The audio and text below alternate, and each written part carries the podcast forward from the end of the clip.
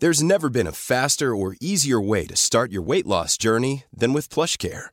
PlushCare accepts most insurance plans and gives you online access to board-certified physicians who can prescribe FDA-approved weight loss medications like Wigovi and Zepbound for those who qualify. Take charge of your health and speak with a board-certified physician about a weight loss plan that's right for you. Get started today at plushcare.com slash weight loss. That's plushcare.com slash weight loss. plushcare.com slash weight loss. Many of us have those stubborn pounds that seem impossible to lose, no matter how good we eat or how hard we work out. My solution is PlushCare. PlushCare is a leading telehealth provider with doctors who are there for you day and night to partner with you in your weight loss journey. They can prescribe FDA-approved weight loss medications like Wagovi and Zepbound for those who qualify. Plus, they accept most insurance plans. To get started, visit plushcare.com slash weight loss. That's plushcare.com slash weight loss.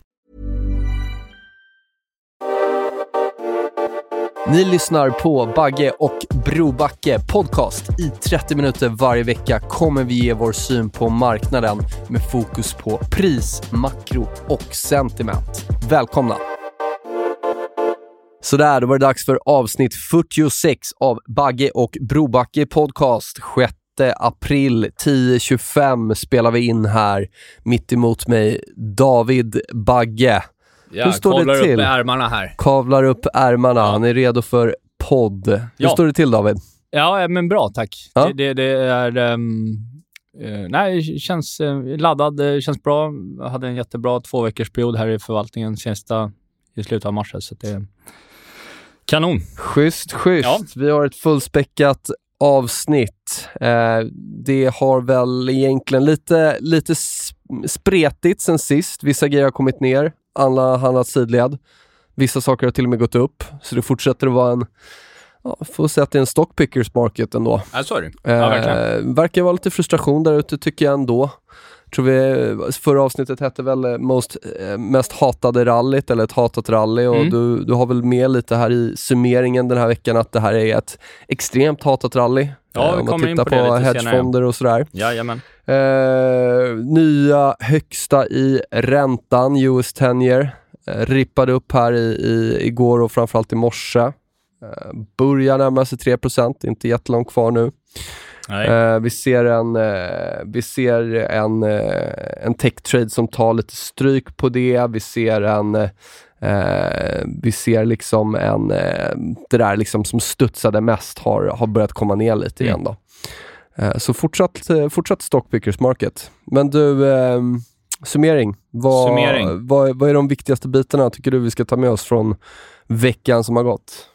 Ja, dels kan vi ju, man ju eh, inleda med, eh, som vi pratade lite om förra veckan, att vi borde stå inför en kortsiktig rekyl. Vi la ju på en, en termin på S&P som lite skydd på, på, på en, två veckors sikt här nu. Eh, och det är den rekylen som jag tror att vi är uppe i nu. Eller ja, det, det är vi. Vi är ner 2% på S&P på en vecka. Eh, OMX i sidled egentligen sen förra veckan va? Ja, det, ja, och det har ju egentligen inte hänt någonting. Alltså både Europa och OMX sista två, tre veckorna är ju egentligen rangehandel. Mm. Eh, det toppade ju den 16 mars eh, i, i, eh, i Sverige. Eh, och eh, ett, eh, kolla på Sandvik är ner typ 20% sedan dess exempelvis. Så det gått eh, ganska, de studsade ju väldigt bra hela verkstadssektorn. Kommer ner ordentligt eh, igen här nu. Eh, det blir spännande att se de rapporterna som kommer inom eh, två, tre veckor. Ehm, men jag tror att den, det borde finnas, jag tycker nog att S&P borde kunna komma ner till 4400 Eh, och det hade ju varit ändå en rekyl på från 5% och 5% från toppen förra veckan. Eh, så behåll, be, vi, inte, vi, vi ligger kvar med, med, med terminen lite kortsiktigt där. Eh, det är fortfarande stort kan man ju säga, det som skiljer USA och eh, Europa, eller framförallt Sverige då, är ju, är ju att det är eh, betydligt mer growth-orienterat, tillväxtorienterat i USA. Eh, och det är det som, det är där du har sett egentligen någon lite större, större uppgång. Även om de också, då, som du säger, kommer ner, framförallt igår då. Eh, men det är där du har haft varmluften eh, i stort eh, senaste eh, två, tre veckorna. Tar vi senaste veckan är det framförallt kanske lite defensivare sektorer. Eh, europeisk healthcare är upp 3,5 all time highs. Ja. Utilities också upp Ja, utilities är upp, eh, ja, den är upp 5,5 procent år, utilities. Mm. Så den har ju, det är väl den, det, och det är ju egentligen den sektorn den, tittar man på liksom, eh, unprofitable tech index, den är upp 42% på tre veckor nu sedan mars low.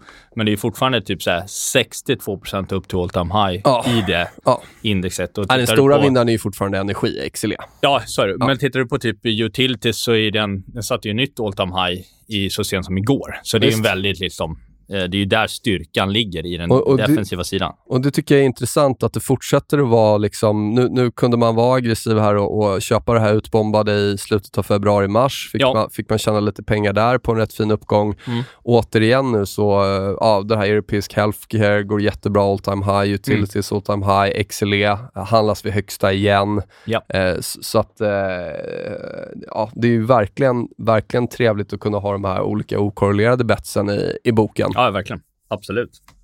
Eh, nej, annars bland enskilda aktier så var det väl egentligen vårt älskade Twitter som fick mest uppmärksamhet. Musk köpte ju 73 miljoner aktier. Eh, flaggade upp för lite över 9% av kapitalet i bolaget och tar plats i styrelsen nu. Um, förra veckan var ju Musk ute och snackade lite om om man kanske skulle göra någon egen liksom, medieplattform och sådär. Uh, Twitter kom ner lite på det. Uh, men han är ju inte så dum, uh, den karln i vanlig ordning. Så han ser ju ut lite som han ehm, köp, köpte på det, uh, de få procenten ner istället. Då. Så att aktien var upp eh, 26 procent i måndags på nyheten. Då. Eh, men tittar man på, som lyssnare, bara för att ge någon, någon form av liksom perspektiv, om man inte har en graf framför sig hur Twitter ser ut, så den toppade ju februari 2020 på 80 dollar. Var ju ner på 31 dollar här i, i februari i år. Då. Så ner 61 procent. Och nu har den studsat ganska bra, då, men det är fortfarande 55 procent upp till högsta nivån. Så det är ju fortfarande liksom Framförallt så bygger det... Ja, men den bygger ju en massiv base egentligen sen IPOen. Eh, ja. Det är ju en lång, lång base. Så att ja. skulle det där bryta över 60 US-dollar, då tror jag att den där aktien kan rippa ordentligt. Samlas kraft i så, så många år liksom. Uh, bygga en så lång bas. Och det är ju som rent operationellt så bör det finnas rätt mycket att göra i Twitter. Jag menar, det finns ju exempelvis ja, visst har lite reklam och så i flödet, men du skulle kunna göra mer på liksom reklamsidan eh, Twittermässigt. Eller så skulle också, åtminstone jag och jag antar att en hel del också skulle göra det liksom ledigt, betala 29 spänn i månaden för Twitter. Liksom. Så du skulle kunna liksom och jag tror nästan, det är möjligtvis att Twitter skulle bli ännu bättre om det faktiskt var en, en, eh, en pay-spärr på den.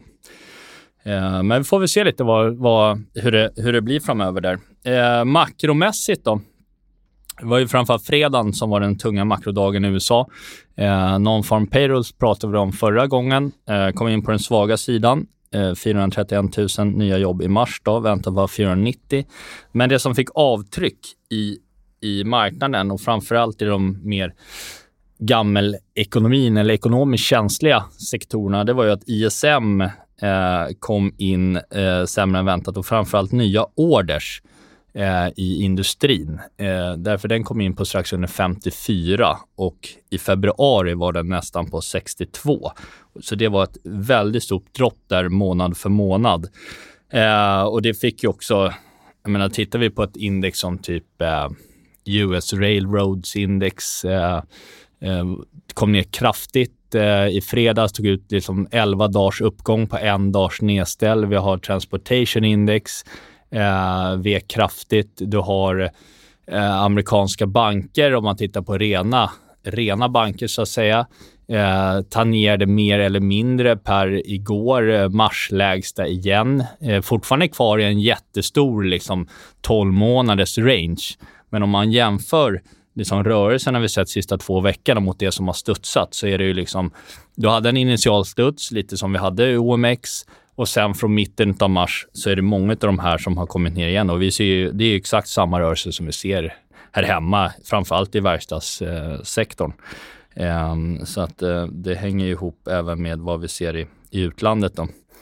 Ehm, som sa det ikväll då, lite som vi pratade om förra veckan, Fed Minutes, protokollet då från förra Fed-mötet. Eh, man kommer ju leta efter ledtrådar med hur man ska göra med balansräkningen. Och för att ge en liten fingervisning vad marknaden prisar då, så är det prisas det ytterligare nio räntehöjningar kommande 12 månader.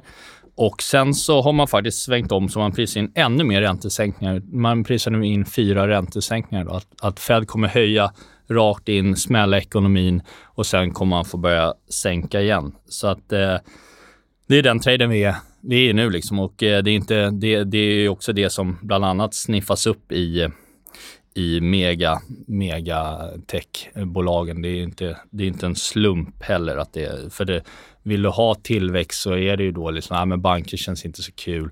Eh, cykler känns inte speciellt roligt. Eh, ekonomin rullar över. Ja, vad ska du, vad ska du ha? Ja, men då får det bli liksom eh, den här gamla klassiska playbooken liksom med framförallt liksom lönsamma techbolag, även om den olönsamma delen av tech har studsat, men det är ju inga all time higher i den sektorn direkt. Då. Ja, så det är den vi spelar nu och eh, Brainard var ju ute igår eh, och var, hon är ju faktiskt, tillhör ju egentligen en duva i Fed, brukar vara ganska mjuk generellt, men hon var ju ute och var väldigt hawkish igår och det fick ju ganska stora genomslag i exempelvis då bondmarknaden. Eh, tioåringen kom ju kraftigt upp. Eh, tech sålde ju på faktiskt. Vi är nere i negativt gamma faktiskt nu, både vad gäller S&P och Nasdaq. Ja, det var, fem, nej, vad var det? det 4525 tror jag du sa sist. Att ja, exakt. Och den kom upp lite till efter det. Eh, men, men, men nu är det då, det, det, är därför vi såg igår lite extra stora slag på nedsidan. Då. Eh, Brainard sa ju att eh, det är fortfarande stora risker, ökade risker på, på nedsidan i ekonomisk aktivitet, men eh, inflationen är eh, mycket, mycket hög och om något finns det uppsidesrisker i inflationen. Då. Eh, och att man då kan banta balansräkningen också eh, så tidigt som i maj. Eh, så att eh, fick lite genomslag igår just efter att hon svängde hawkish också. Eh, det är väl framförallt det som kanske fick mer genomslag. Eh, som du säger, hedgefonder. Mest ut, näst mest utmanande kvartalet i Q1 sen det här är data från Morgan Stanley. Då. Sen Morgan Stanleys Prime Brokerage började mäta 2010. Så mm. att hedgefonder har haft det liksom riktigt eh, stökigt kvartal. Eh, genomsnittliga hedgefonder om man tittar globalt med globalt mandat är ner 0,2% i mars. Eh, MSCI World var upp 2,2. Long short som man kan tänka sig skulle funka i den här marknaden. Det är en stockpicker-marknad som du säger. Var ner 0,3 i mars. S&P upp 3,7. Uh, och long shorts totalt sett för Q1 då är minus uh, eh, 6,1. Oj, otroligt. Det är riktigt dåligt.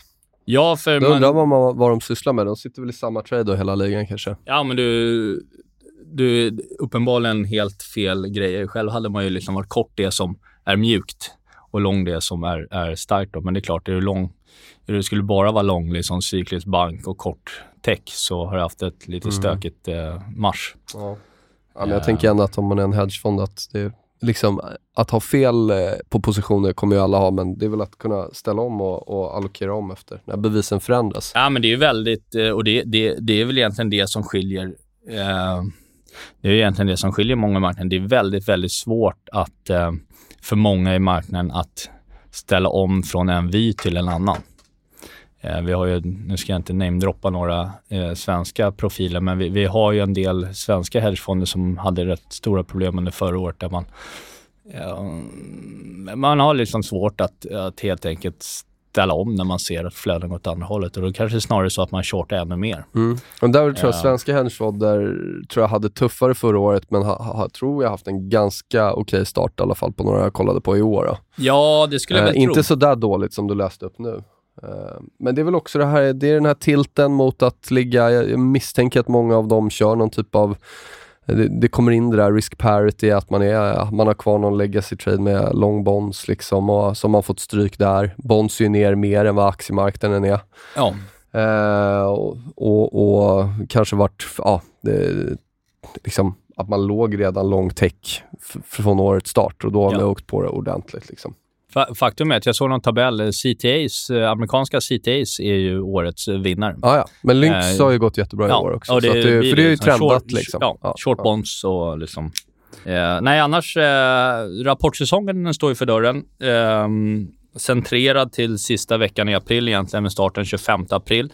Då kommer ju 151 bolag av OMX Allshares, alltså OMXSB. Det är 350 bolag, så att nästan till hälften av bolagen kommer under en vecka där.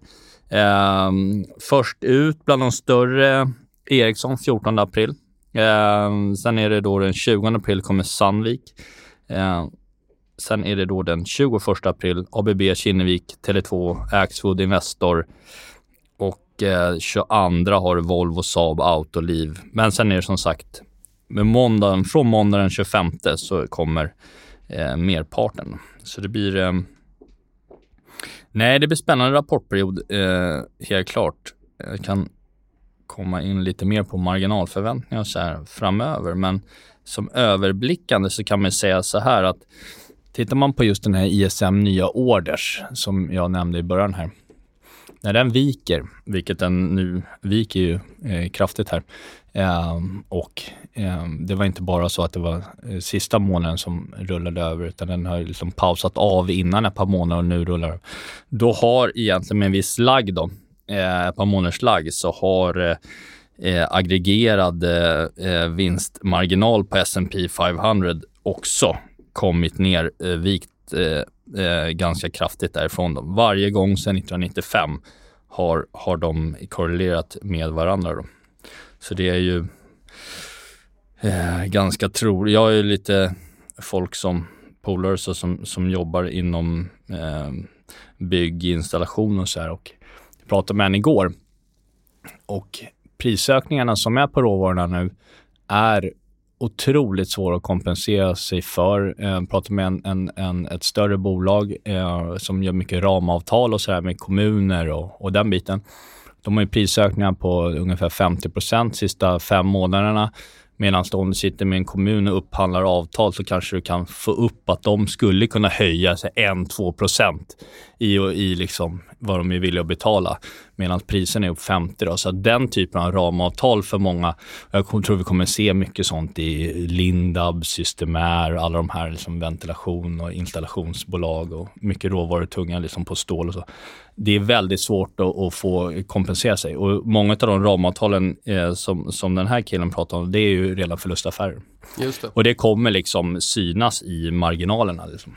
Eh, förr eller senare. Liksom. Syns det inte redan nu i Q1 så, så kommer i alla fall guidance för Q2 vara liksom på den mjuka sidan. Sen är, får vi se, aktierna har ju inte gått bra heller för den delen, då, vad som ligger i inpriset eller inte. Då. Men estimatrevideringar eh, kommer ju högst troligtvis komma ner i previews här och det ser vi redan nu. Sänkta riktkurser, sänkt estimat och gör de inte det nu så gör de det i samband med rapportperioden. Så det var väl det. Ska man nämna någonting om vad som förväntas på nordisk nivå gällande marginaler så eh, är det eh, ebit-marginaler på nordisk aggregat med data från Nordea är peak-vinster eh, 2022 och nya peak-vinster 2023. Då. Eh, bara för att se lite vad som ligger i förväntan. Och det är ju, I min värld finns inte en chans att de kommer nås Eh, sen är, prisar inte marknaden in, om man tittar rent aktiemässigt, samma sak. Det är inte så att du har alla de här bolagen på peak, utan det har ju kommit ner. Just Mycket det. verkstadsbolag är ner 20-30 procent i år. Men ändå, eh, vinstrevideringar har ju en tendens att leda flöden. Det är ganska, säll, det är ganska sällan som... Det ska ha gått ganska långt innan du liksom... Och jag tror inte, jag tror inte vi är i, i, i, i botten än, så, att säga. utan det kommer dröja ett bra tag tror jag. Um, förmodligen kommer det komma några mer vinstvarningar, det är inte alls omöjligt. Um, och eh, för jag menar 60% av bolagen i Norden väntas öka sina marginaler 2022. Det, det, tror jag man kan dra ett kryss över. Och sen för 2023, vilket faktum är att det är det vi handlar på, vi är ju framåtblickande ungefär ett år, så väntas ju 85% av nordiska bolagen öka sina marginaler. Och den tror jag också vi kan dra ett kryss över. Det, det tror jag inte finns en chans att man kommer kunna trycka ut allt det till, till slutkund. Ja, men det blir väldigt intressant att, att, se. Men det kan vara bra att veta vad som ligger i marknaden på marginalförväntningar. De är fortfarande eh, tokhöga. Och där tror jag det finns en klar eh, risk om man tittar generellt. Sen Just finns det ju andra om man tittar tech och så, då, mm, men om man mm. tittar aggregerat. Liksom. Eh, så det var det om det.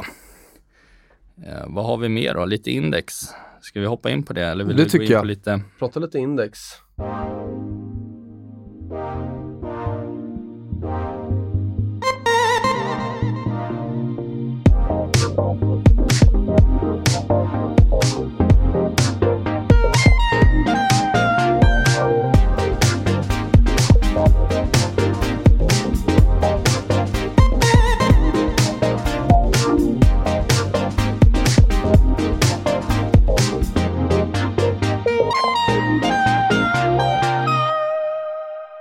Som sagt OMX kommer ner lite idag ser jag här, men det är väl fortfarande i samma range som vi har varit sedan i, eh, i mitten av mars egentligen. Konsolidering ja, mellan... Ja, men det som vi sa förra året, eller förra gången, det är lite liksom, det är svagaste kortet i leken alltså. Det är, ja. det är en jäkla trist marknad om man ska på ren svenska. Alltså. Mm. Ja, alltså det måste vara väldigt jobbigt att begränsa sig till en, en liksom, världen är ju så stor. Det finns ju så många aktier där ute. Jättemånga. Eh, så det, det, speciellt om man inte har några mandat heller så känns det ju dumt att liksom eh, måla in sig i ett hörn lite med att ha en marknad att handla på. Liksom. Ja, visst är det så. Eh, men, men, men på något sätt är man ju ändå lite liksom, eh, hemmakär. Liksom.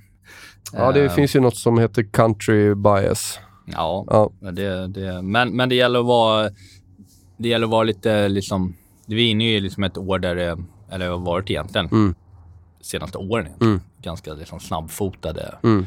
Uh, jag menar bara de... Uh, men, men, men, risken med att, att, bara sitta och kolla på en hemmamarknad, det är ju att man får ett Japan-scenario där man har liksom 20 år av underperformance på sin egna stock på sin egna aktiemarknad. Eh, det, det, det, är lätt att vara long-only eh, liksom i en marknad som jag tror väl sen 1970-talet så är väl OMX en av de liksom, bästa börserna. Ja, Men kommer en tioårsperiod där, där det inte är det, ja. Eh, då, då är det rätt tråkigt att vara, vara long-only. Long liksom. Ja, eh, det, och det tror jag, så long only indexmässigt tror jag liksom, jag tror fortfarande vi går in i en, liksom en multipla år av stor konsolidering även på S&P så att jag tror inte att eh, long only index, eh, det tror jag liksom, det blir, jag tror det blir stockpicking och sektormarknad eh, de kommande åren också. Liksom. Jag tror det kommer dröja innan du får en, en ganska bra, trevlig, liksom förnyad bullrun. Um, som trendar. Liksom. Ja. Eh, men vad gäller S&P då, om man ska backa tillbaka dit. Um, ja, som sagt, borde kunna gå ner till 4450, 4400 senare den här veckan eller in i början på nästa. Eh, däremot det, det så... jag bara, den 4500, det är ju där vi är nu och den har ju varit en viktig skiljelinje. Ja. Så jag tycker man ändå ska, vi har ju inte varit under den linjen sedan, eh, vad är det, 24 mars. Ja. Så jag tycker, tycker man kan hålla koll även där. Att det, det, det, har varit en, i alla fall för mig, en jätteviktig skiljelinje tidigare. Så. Ja, och så säg att den bryter där och vi kommer ner 100 punkter till. Då tror jag liksom att den här rekylen som vi borde ha haft nu i början av april, då tror jag den är över. Och sen, sen ska jag faktiskt säga att eh, vad gäller mitten, slutet av april, så är det faktiskt så att det inte alls omöjligt att, eh, att du får ett test av all time high i, i S&P.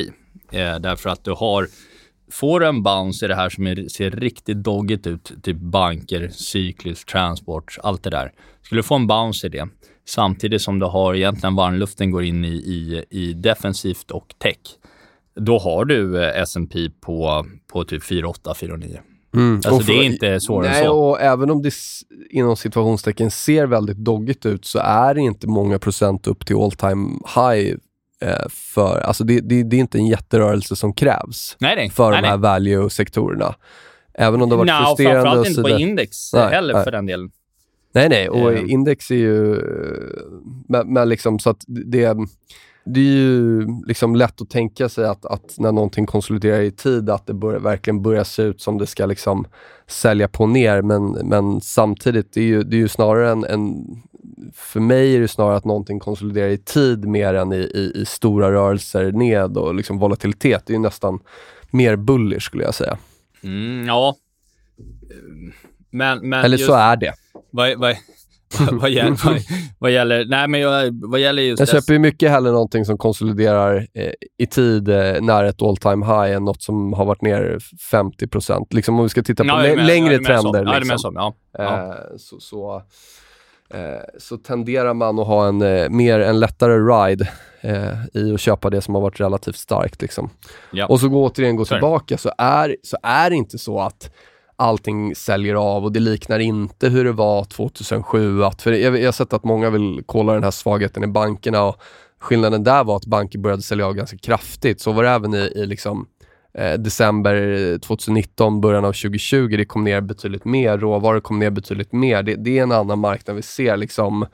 ja, exakt. Och Ehm, inte exakt samma paralleller. Och sen har du ju, som jag började nämna tidigare också, så här som ja, men, europeisk healthcare. Om man nu inte kan eller vill handla ETFen så finns det ju massa intressanta namn. Där vi har till exempel AstraZeneca som Ja, ja. går svinstarkt, Ja, ja, Novo visst. Nordisk. Alltså, ja, visst. Oh, ja. eh, det, det finns mycket styrka att, att hitta i, i, i de här olika. Jag tror Ja, ja. fortfarande en hel del råvarubolag som ser starka ut. Eh, du har ju liksom eh, lite basmetallsplays och sådana Ja, grejer. Jag Nej, tror nej. Boliden gick väl upp på ett nytt all time high här igår och sådär. Så att, eh, den där relativa styrkan och relativa svagheten, den har ju varit en fingervisning förut. Det kommer vi ihåg under 2021 när, när vi hade de här techplaysen som var betydligt svagare än börsen Exakt. redan på våren och sen så blev det ju stor slakt när, när OMX började komma ner lite. Mm, så att, eh, den, är, den vill jag alltid slå ett slag för, relativ styrka, svaghet. Det, det, det är något att hålla koll på. Ja, det man kan också då flika in är att skulle det vara så att det fortfarande är, framförallt kanske då i USA,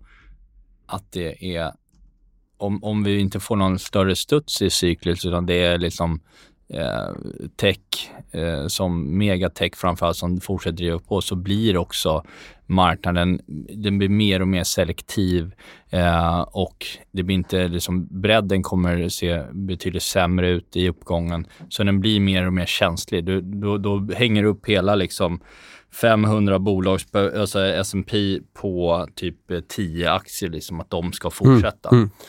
Och, och, och, och då, då kommer vi in i ett läge som vi har haft historiskt eh, gånger också, där, där det blir ganska blir känsligt.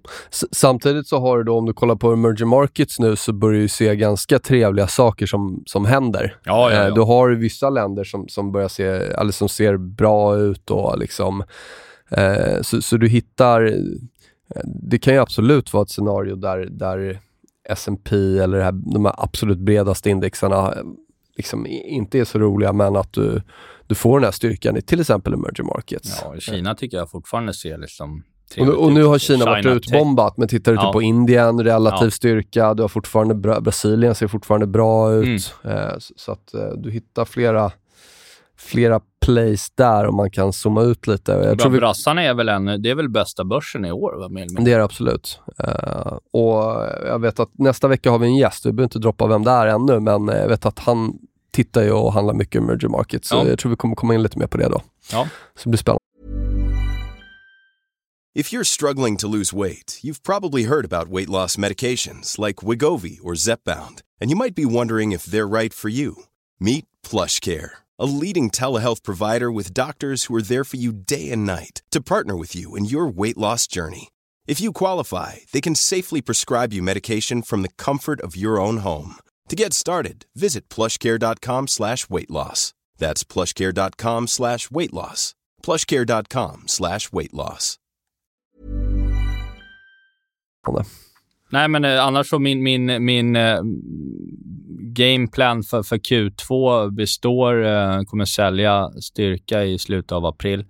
Tror maj kan bli rätt dåligt och sen har vi en runda till upp mot i försommaren där. Och det är väl framförallt där jag kommer testa att mer shorta börsen. Lägga sig lite mer stilla här i, i slutet av april. Ta hem lite calls och så som jag är fortfarande på då. Eh, sektormässigt har vi pratat. Eh, man kan titta på en, en som eh, man kan kika på också, det är ju, eh, det finns ju en som heter US Trucking som egentligen är fraktbolagen. Eh, satte ju ett nytt årslägsta här eh, i dagarna. Eh, kommer ner kraftigt i fredags på ISM-siffran där. Transport pratar vi om, men det är absolut inget årslägst i den. Men, men det finns lite svaghet på sina håll. Um, och det har varit, både transports och semiconductors har varit så här, jag tycker de är ganska bra eh, indikation, eller liksom indikatorer på, på eh, riskvilja och faktiskt måste jag säga, det är lite transports i gamla världen, semis i nya och faktiskt som du säger senaste dagarna så har de båda sett rätt sega ut. Alltså. Ja. De har inte brutit på nedsidan men skulle vi skulle båda de bryta ur sina långa ranger här, ja. eh, det skulle nog inte vara bra alls faktiskt. Nej, och så ser även den här BKX Bank Index ut också. De är ganska, om, om något så och det tittar vi på Philadelphia Housing Index eh, som egentligen är husbyggare och, och konstruktörer. Eh, den är ner 23% i år, satte en ny årslägsta här i dagarna. Eh, och tittar man då, eh, nu, nu går vi tillbaka till historien då, eh, men den kan man ju se som någon form av leading fast det är sjukt lång lagg på den. Eh, exempelvis så toppade den 2005 eh, och sen kom kraschen 2008. Ja, hinner man eh, så det är några rörelser spraya kontot om man ska börja blanka. Men husmarknaden är en viktig del av den amerikanska ekonomin. Eh, även om då liksom techsektorn har växt sig liksom allt större de sista tio åren så är det fortfarande så att eh, husmarknaden är, är eh, liksom viktig att hålla koll på i, i um, i USA. Ännu viktigare för Sverige va?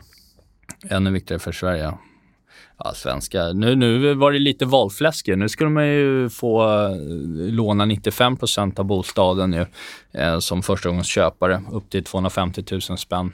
Räcker inte långt till Stockholm, men i, på många mindre orter så, så kommer det ändå ge genomslag i, i eh, ettor, tvåor typ.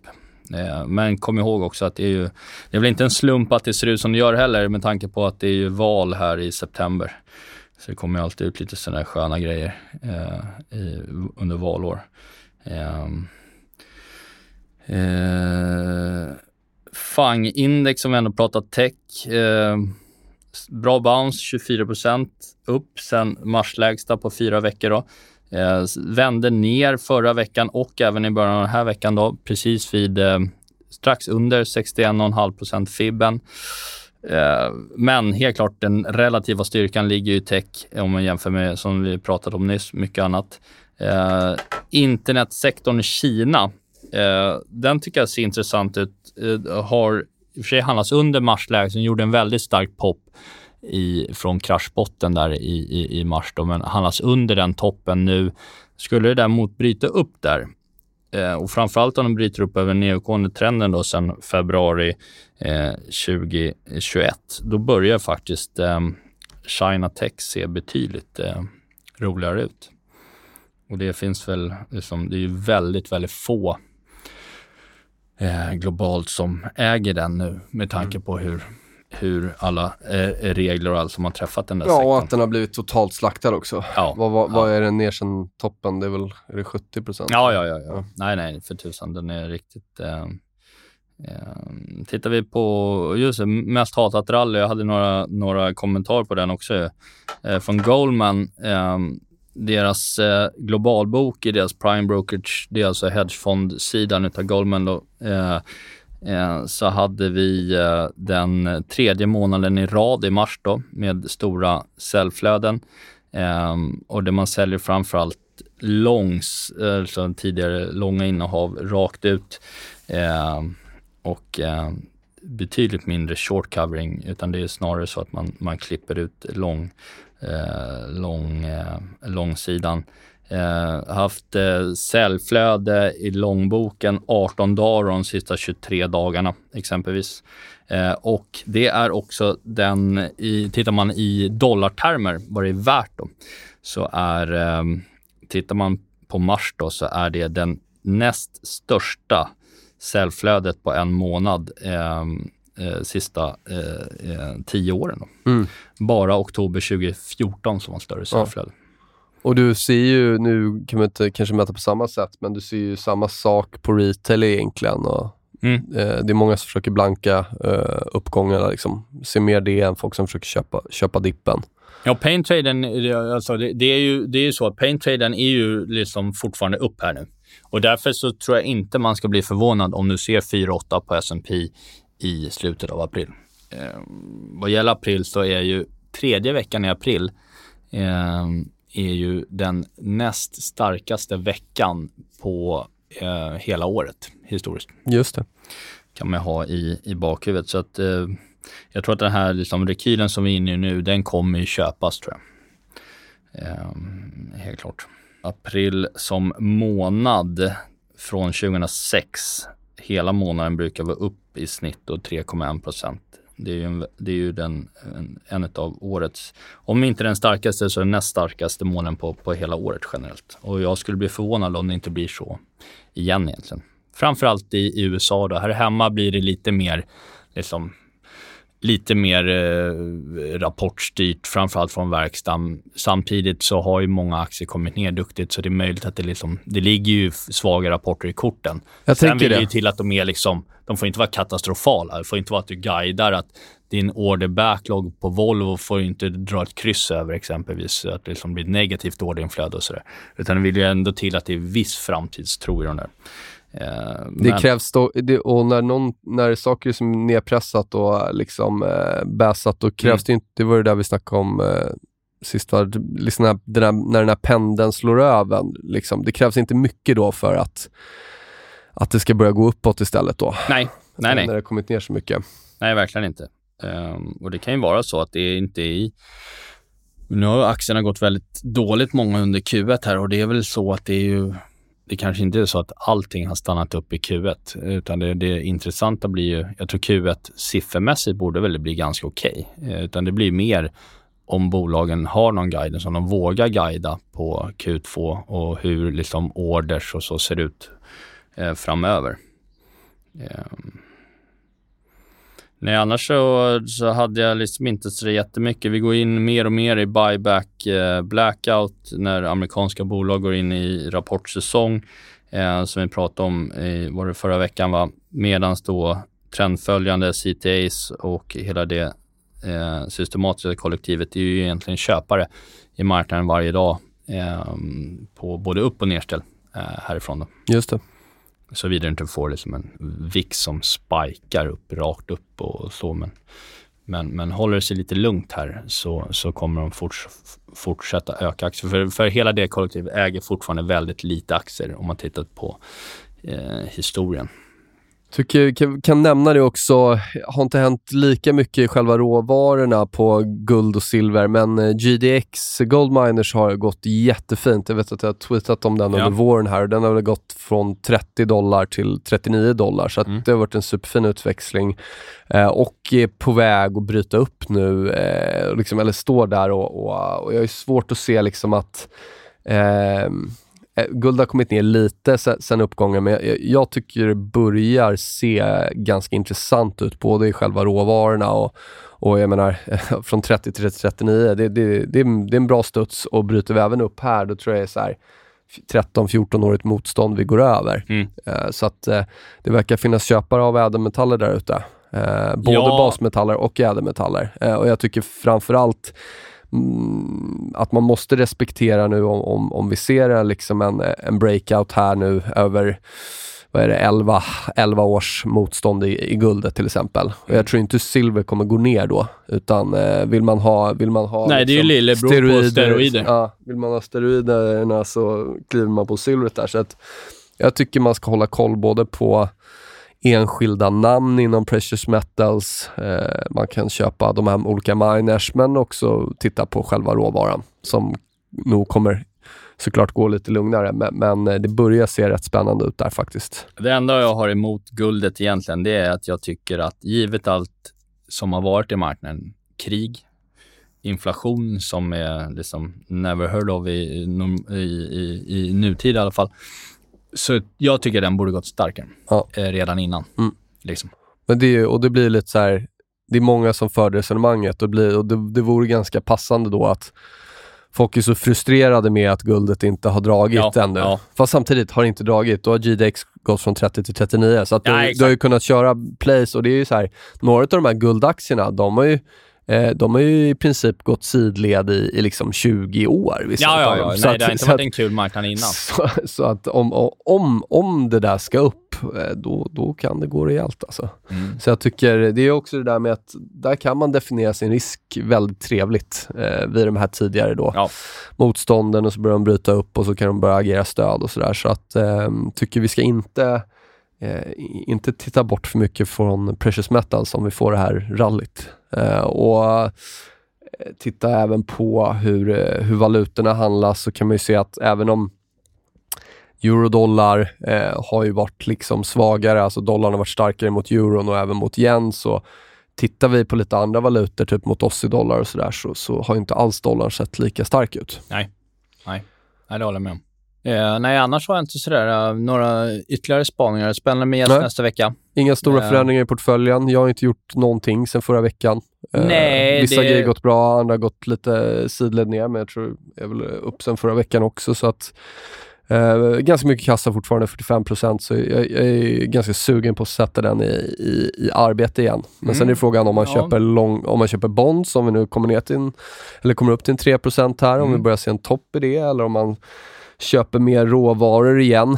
liksom, det är svårt att förneka att XLE Energi är på väg att bryta upp nu igen. Mm. Även om jag tycker liksom själva oljan ser tuffare ut så gör vi, gör vi nya högsta i XLE här och det är ju det här med att vid de här priserna på gas och olja så är det väldigt lönsamma bolag och du får en väldig hävstång och det där kan fortsätta ett bra tag till. Liksom.